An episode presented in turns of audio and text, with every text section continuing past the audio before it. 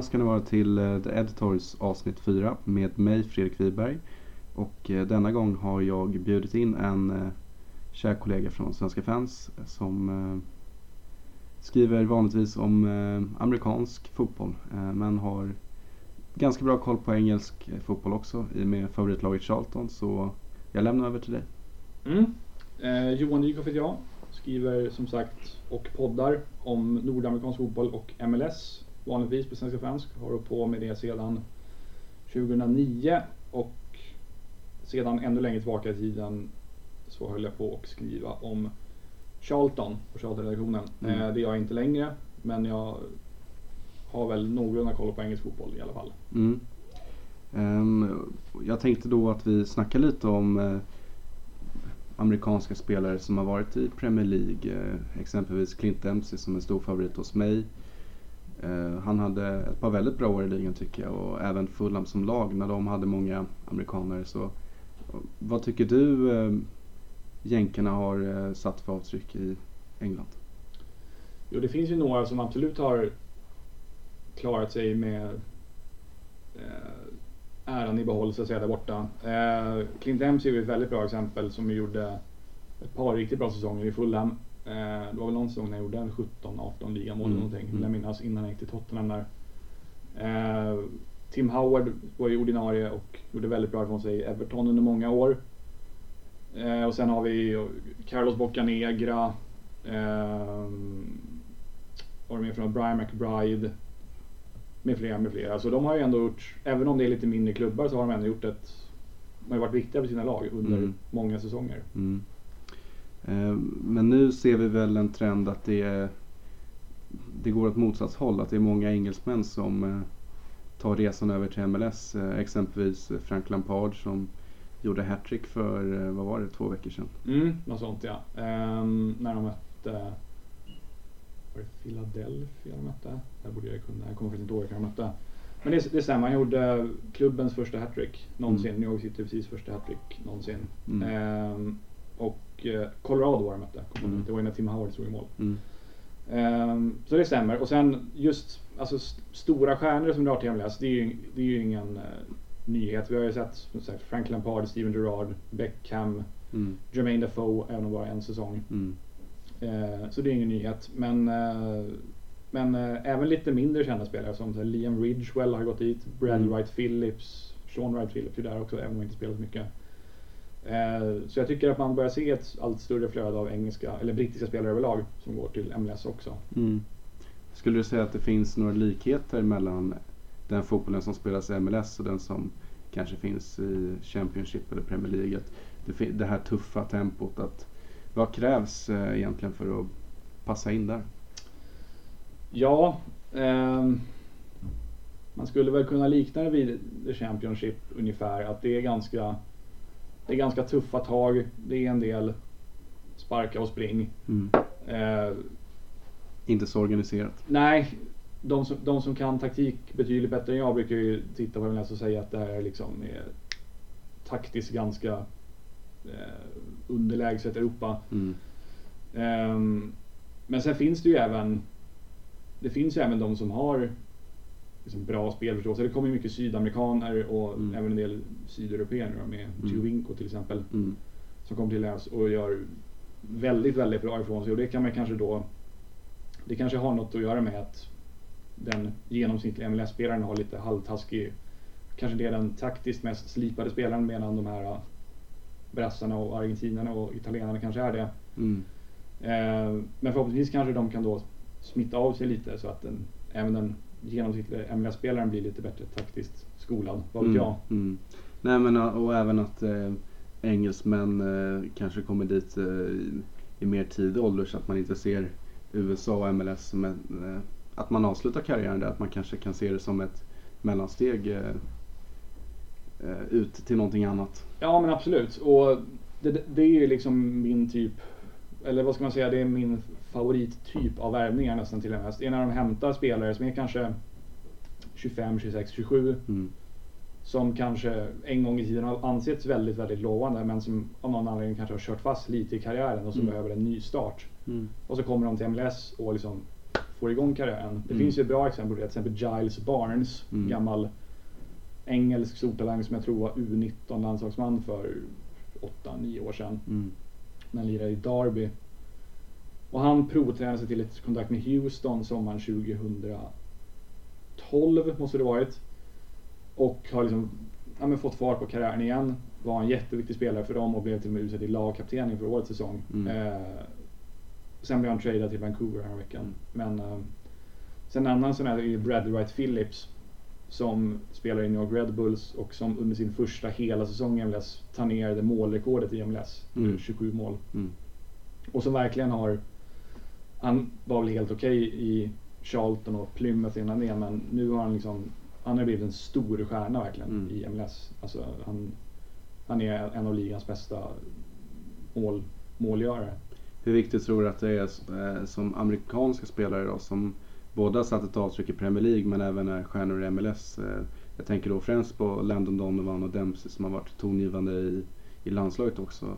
Att de, deras status i MLS och det de gjorde i Premier League, eh, tror att det kan bli någon slags eh, hur viktigt är det att de berättar om hur, hur det var i Premier League och att, ja, att man kanske kan få fler amerikanska unga spelare dit eller att man kanske får fler unga engelska spelare till MLS. Båda vore ju positiva. Ehm, så det är väl någonting man kan hoppas med de här, alltså de spelare som ändå har presterat på hög nivå i Europa att, Mm. ska man säga att, att den gemene fotbollssupporten eller kanske även scouter och sånt får upp ögonen för USA som fotbollsland och att Mm. man antingen scoutar spelare dit för att ta till Europa eller att man kanske ser USA som ett, en bra destination om man tänker för Mm. agenter att de kanske Mm.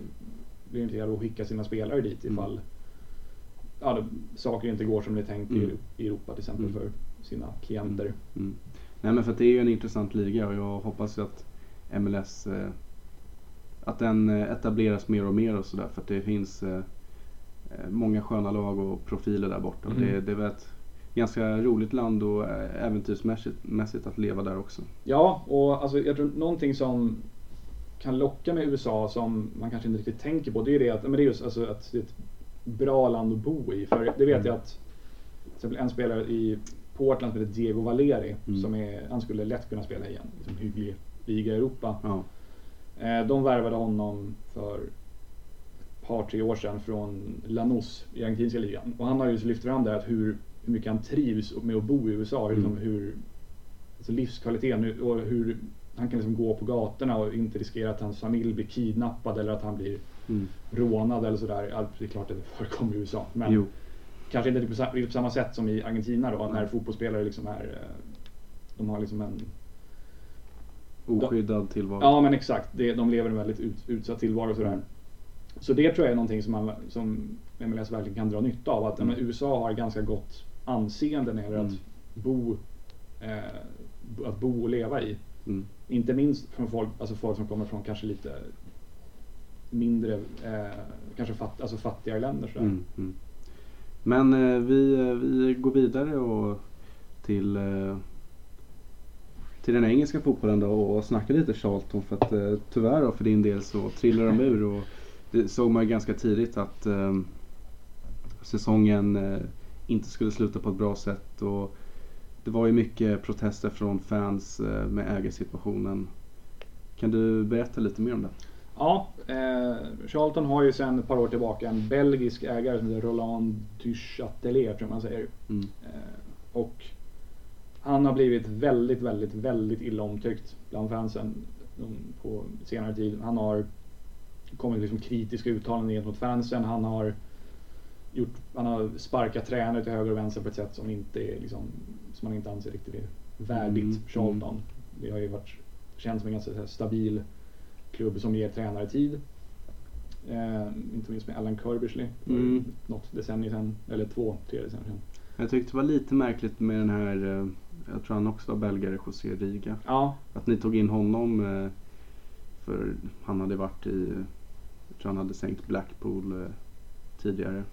Mm. Och han har även varit i Charlton tidigare. Ja, och att, det inte, och att, att ni tog tillbaka honom, var det verkligen rätt? Nej, uppenbarligen inte. Nej. Och han, eh, han, men han avgick ju självmant efter att man hade ramlat ur. Mm. Eh, Så det blir en nystart nu. Ja, det är Och vem är, vem är det som kommer träna laget? Nu har de eh, Russell Slade som Ja. senast kommer från Cardiff. Han Ja. var väl huvudtränare först, sen bytte han roll till en sån här Head of Football Mm. Operations eller någonting. Men han gjorde det ganska bra i Leighton Orient också. Ja, han fick eh, här, årets tränare-priset. Om Ja. var 2013 eller någonting. Mm. Och han har även fått det en gång tidigare i League One med Geoville. Mm. Ett tag sedan nu. Men, Så eh, vi hoppas att ägarna har tålamod med honom då. ja, men det, det, det, det tycker jag känns, det känns som en ganska sund utnämning Mm. tycker jag. Så eh, hoppas han får sitta kvar ett tag. Och, för nu är det, ju också jättemycket nya spelare som har kommit så Mm. jag tror att det, det tar sig, det behöver nog lite tid för att sätta sig. Men det här missnöjet då, vad, vad grundar det sig? Alltså jag tror att det det är mycket att man anser att han, han styr för mycket med järnhand. Mm. Han eh, skiter i fansen, han tycker att fansen ska liksom tystas och bara liksom köpa sina biljetter och sina halsdukar och inte tycka så mycket. Mm. Ehm, jag tror att det framförallt är ja, liksom hans, eh, ska man säga, hans, eh, det han förmedlar utåt, det är det man, det är det man stör sig på. Mm. Och det har ju varit, i samband med de här protesterna så gick ju folk runt med skyltar där det stod liksom We want our club back eller We want Charlton back. Så det är som man anser att de, han har lite grann tagit Charlton som någon slags gisslan Ja. nästan. Så, eh, och han ägde ju Standard Liège i Belgien tidigare. Men sålde av det tidigare. Och, det, då, och situationen där påminner väldigt mycket om det som Charlton befinner sig i nu. Mm. Att det var ju supporterprotester så man kan kanske hoppas att det slutar med att han säljer av även Charlton då. Ja, någon gång borde han ju tröttna. Ja, för det, det kan ju inte vara kul för honom heller att Nej. känna att eh, han har liksom. Alla emot sig. exakt. Mm. Så, eh, ja vi får se. Vi får se hur det slutar. Mm. Men du nämnde att det var mycket förändringar i spelartruppen. Jag vet själv en spelare jag tyckte väldigt mycket om, eh, Gudmundsen. Mm. Yttermittfältaren där som skrev på för Burnley nu. Ja, Det det, tung, man, tungt tapp. man kunde ju gissa att de flesta, alltså i och med att Charlton åkte ur och han spelade väl varenda match för Ja. Island i EM, tänkte man att Mm. ja, han, det finns inte en finns inte en chans i världen att han stannar kvar i Charlton. Det är League det känns inte så aktuellt. Det var imponerande att han ändå kunde få ett Premier League-kontrakt. Alltså det, Mm. Nej, men jag tycker han har varit en av eh, Charltons bättre spelare de här åren och har ju en bra, en bra fot som dels kan användas på fasta situationer och, men även att han är väldigt eh, spelintelligent, spelintelligent av det jag sett honom. Ja, jo men han är bra. Och sen, sen tappar de ju eh, Jordan Cousins som har fått eh, årets spelare-priset två Ja. år i rad till QPR. Mm. Ung, egen produkt, mittfältare. Mm. Eh, och sen är det, det är väl, ja, det är ju det är säkert 15 till som har lämnat. Mm. Och det är lika många som har kommit in. Och det kommer komma fler också. Nu, nyligen så sålde de Callum Harriott till Reading. Ja, det stämmer. Det Ja, stämmer. Ja. så ja, det händer väldigt, väldigt mycket. Så vi får se. Det, det blir nog tufft för Slade att sätta upp det här till ett lag på en gång. Han kanske Mm. behöver en eller två säsonger, eller innan de kan liksom studsa upp igen. Så vi kan inte förvänta oss att eh, det blir ett återtåg direkt. Alltså, oddsen talar ju, eller experterna verkar ju tro det, för Charlton är ett av de lag med lägst odds Mm. för att bli uppflyttade. Mm. Jag tror de är i alla fall topp 5 eller 6. Mm. Så eh, vi får se. Vi får se. Eh, jag har väldigt dålig koll på övriga League One ska jag säga. Ja. Men eh, Ja, Det är, en tuff, det är ett getingbo. Det är ungefär Ja. som Championship. ja, nu, nu, de torskar ju premiären mot Bury. Alltså jag, jag kan inte säga en spelare i Bury. Nej. Och Jag, kan, jag vet inte var stan ligger, jag vet inte vad deras arena heter. Så det är liksom, ja, jag, jag kan lika mycket om League One som jag kan om mongoliska ligan. Ungefär. Men vi, vi får hoppas på eh, en bra säsong för Charlton. För det är, det är ändå en klubb som ska vara minst i Championship. Ja men det känns ju som det. Och jag minns ju när jag började heja på dem, det var ju, ju 16-17 år sedan nu. Mm. Då var de ett topplag i det som då hette division 1 Mm. i eh, Eng- England numera, eller Championship. Och Mm. som gick upp till Premier League. Och sen var de ju där i 6, 7, 8 år någonting måste det Mm. varit. Jag gillade det centrala mittfältet med Scott Parker och eh, den här irländska Matt Holland. Matt Holland. Ja. Ja, just det. Fantastisk spelare. Och sen hade de eh, Danny Murphy lirade där ett tag också. Mm. Och, eh, Alan Pardew som tränare. Kanske ja, var, just det. Kanske var lite Det senare. var lite senare ja. Mm. Corey Beardsley hade ju det var väl han som, det var han som tog upp dem till Mm. Premier League. Mm. Så för, för mig är ju Charlton, det är liksom ett... När jag började bli intresserad av engelsk fotboll, då är de ett topplag i division 1 Mm. och sen ett ja, men, rätt anständigt Premier League-lag ändå. Mm. Alltså så här, topp 12 i alla fall. Så. Vem är din favoritspelare från tid, tiden om du får välja någon? All, allra som började var Ja. en som hette Andy Hunt Mm. som var en så här, målspottare. Jag tror att han gjorde liksom runt 20 mål säsongen när han gick upp till Premier League. Snackar vi tidigt må- 2000-tal här? eller? Ja, till och med 90-tal. ja, eller så 99-00 Ja. där ungefär. Men om du ska välja någon lite mer modernare legend så att jag är med Darren Bent, är ju, Ja. han var väl liksom en lite mer nutida... Fostrad i klubben också? Nej, de köpte honom från Ipswich, Ja, Ipswich, vill jag ja, minnas. okej. Eh, För jag, vill, jag tror att han är en London-kille nämligen, men det kanske är fel. jag tror inte det är Charlton i alla fall. Nej. Jag ska inte svära på men jag, jag tror inte det i alla fall. Vi får kolla upp det sen. Ja. Sen var jag med för några. Dean Kiley, gamla målisen, men det är också länge sedan. Om man tänker mer nutida, Talal El Karkouri, marockansk mittback, Mm. gillade jag. Mm. Eh, och sen Chris Powell förstås, vänsterbacken, som... Mm. Eh, Även blev tränare. ja, precis. Och som debuterade i landslaget, han var såhär 35. Eller någonting. Mm. Ja, det är, det är häftigt också. Ja, Jag vet inte vilket lag han har nu, men han fick ju kicken från Huddersfield i november. ja okej. Ja, jag har ingen aning om vad han gör nu faktiskt. Nej. Så gjorde han, han gjorde ju någon så här märklig comeback i Charlton. Han, för de sålde ju honom, jag kommer inte ihåg vart han gick sen. Men sen kom han tillbaka när han var typ 39. Jag tänkte det var när Charlton var i the Championship, Mm. tror, jag, tror jag. Och han var ju lite så här kultspelare och ja, fan är han tillbaka liksom. Men Mm. han var ju bra liksom. Han, Mm. han höll ju måttet fortfarande när han var 39 år. Mm. Har du varit på The Valley någon gång? Aldrig faktiskt. Nej. Jag är ju med i en um, supporterklubb till Charlton, Swedish Addicts. Mm. Eh, och de, det arrangeras en resa till England minst en gång per år. Mm. Eh, men jag har aldrig lyckats hänga med på dem och jag tror inte jag kommer kunna göra det i år igen heller för det krockar med en planerad New York-resa som jag ska Mm. göra. Mm. Så det får vänta ytterligare ett tag. Men vad skulle du säga Charlton är för klubb då? Eh, var, varför börjar man hej- heja på Charlton och bland övriga Londonklubbar vem, vilken är den största rivalen? Eh, Millwall är en stor rival. Mm. Eh, Crystal Palace också. Mm. Och Alltså för mig var det väl mycket att jag, men, jag fick upp ögonen för dem. Det var när de var liksom, ett topplag i division 1 då, som Mm. hette på den tiden. Mm. Och jag fa- fastnade för ett antal spelare. Sen är det, liksom, det är, det är en lite mindre vi säga, familjär, trevlig Mm, liten mm. klubb. Som det, Lite som Fulham då kanske?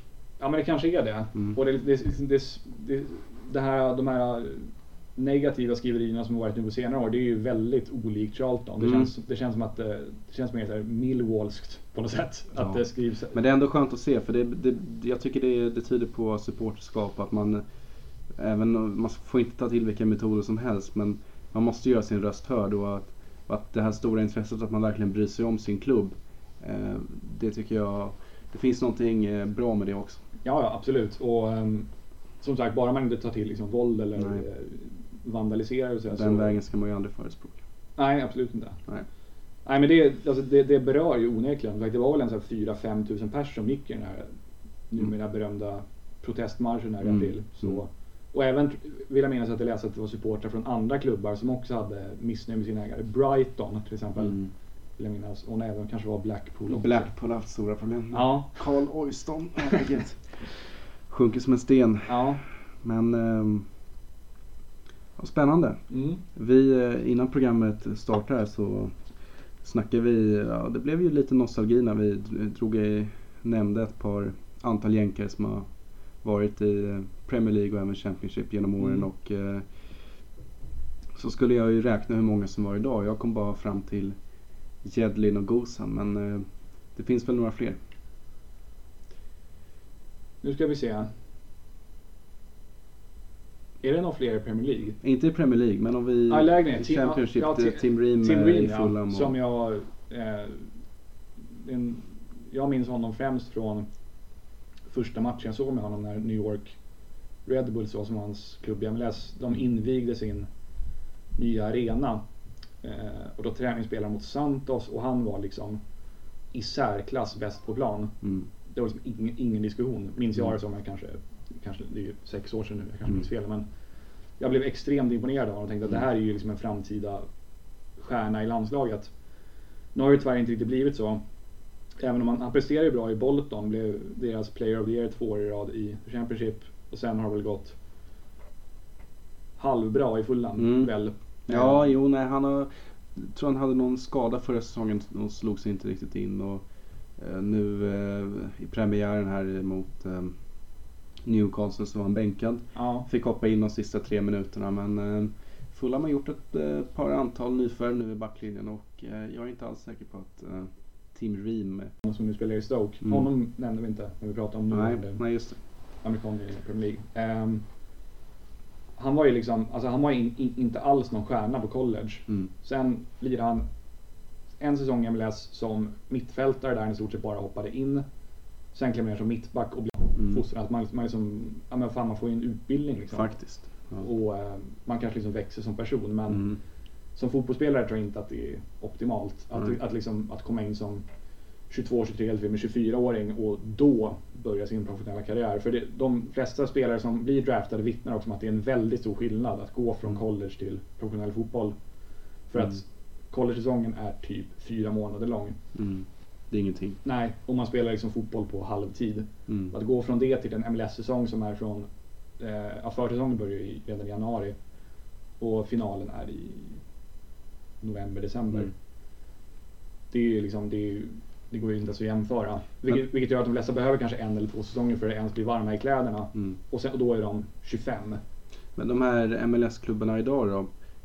Kan inte de starta upp ungdomsverksamhet nu och plocka spelare lokalt? Och, har man börjat jobba så? Ja, det är på väldigt stark frammarsch. Ja. Ehm, För vilket- det är väl så, det är så man jobbar ute i Europa och även här i Sverige ju. Ja, Och det, det tror jag, det är väl nyttigt om man gör det. ja det är, jag skulle säga att det är en absolut nödvändighet till och med. Mm. För även om jag, som att jag gillar collegefotboll på sitt sätt, det är liksom en intressant, ett intressant fenomen som Mm. inte existerar någon annanstans än i USA. Mig veterligen så det behövs att det kommer egna akademier också. Och det är, det är på stark frammarsch. Framförallt, jag skulle säga att det är framförallt FC Dallas, New York Red Bulls och kanske även Toronto Mm. som är väldigt framstående när det gäller- och de får fram liksom massa, massa spelare Mm. som presterar väldigt bra Mm. i MLS redan när de är 18-19. Mm. Och det är väl bra för landslaget också.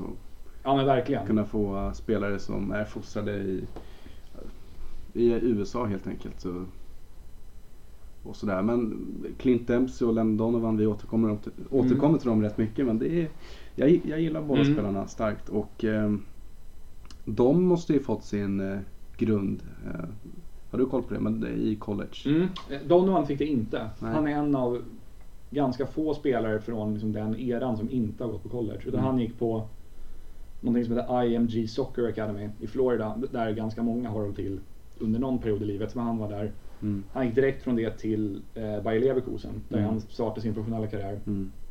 Där han aldrig riktigt slog sig in i landslag, eller han slog sig aldrig riktigt in i A-laget. Men Dempsey gick på college i två eller tre år Mm. innan han blev draftad av New England och så gick han därifrån till, till Fulham. Så han har lite grann tagit den liksom traditionella amerikanska Mm. vägen. Och är, är ett exempel på att det går. Och jag menar han var ju inte jätteung när han kom till eh, Fulham heller. Så man kan ju inte säga att han fostrades där. Han, det var väl liksom ett råämne som de utvecklade till någon, någonting jättebra. Ja men exakt. Han, han blev ju han blev draftad tidigt av New England och jag tror han fick det Rookie of the Year-priset under sitt Mm. första år. Sen gissar jag att de, som du säger, de måste säga att men här finns ju någonting definitivt men vi måste bara Mm. slipa lite på det. Mm. Och efter ett par, tre säsonger blev han ju liksom kanske inte toppspelare i Premier League men strax under toppen i alla fall. Mm. Jag vill hålla honom jättehögt men jag är partisk. Ja. Och sen Tim Howard, han är också ett exempel på, han tog ytterligare en annan väg. Han spelade inte collegefotboll utan han spelade på, han, han blev proffs som typ 18-åring. Men på, nå- i någon lägre li- liga i Mm. USA. Mm. Och så blev han upptäckt där av det som då hette New York Metro Stars, som nu är New York Red Bulls. Mm. Och tog så småningom en ordinarie plats där och sen gick han till Manchester United och sen Everton. Mm. Nej, men på tal om Howard. eh, Det är just målvakter som ändå har satt ett avtryck i Premier League. Eh, Vi har ju haft Marcus Hahnemann, Brad Friedel, Brad Gussan, Casey Keller Mm. och Tim Howard. Finns det någon förklaring varför målvakter lyckas så bra i just England? Alltså det, just England vet jag inte, men om man tänker just målvakter i USA generellt så det man brukar säga är att de spelar mycket andra sporter som ungdomar. Där man använder både där man använder händerna, Mm. alltså typ basket eller amerikansk fotboll och att man då får en väldigt bra så här, hand till öga koordination. Mm. Plus att de ofta är stora, bitiga, Mm. väldigt liksom, duktiga atleter. Sådär. Mm. Och den kombinationen, det, det kan jag faktiskt köpa. Mm. Eh, och vi, vi har även sett det på, alltså på lägre nivå att det kommer målvakter att prestera väldigt bra. Till exempel i Sverige, vi har ju Matt Pystrovski i Helsingborg till Mm. exempel.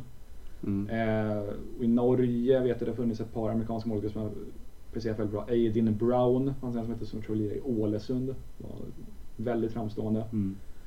Eh, så, ja men det, alltså, och det finns, herregud, det är bara dräller av bra målvakter i MLS. Till och med sådana som sitter på bänken. Så Mm. jag tror att, alltså jag tror, typ allsvenska klubbar, de skulle kunna fynda verkligen Mm. målvakter om de åkte till MLS och tog liksom en andre keeper. Han skulle lätt kunna vara liksom en av allsvenskans bästa målisar. Ja.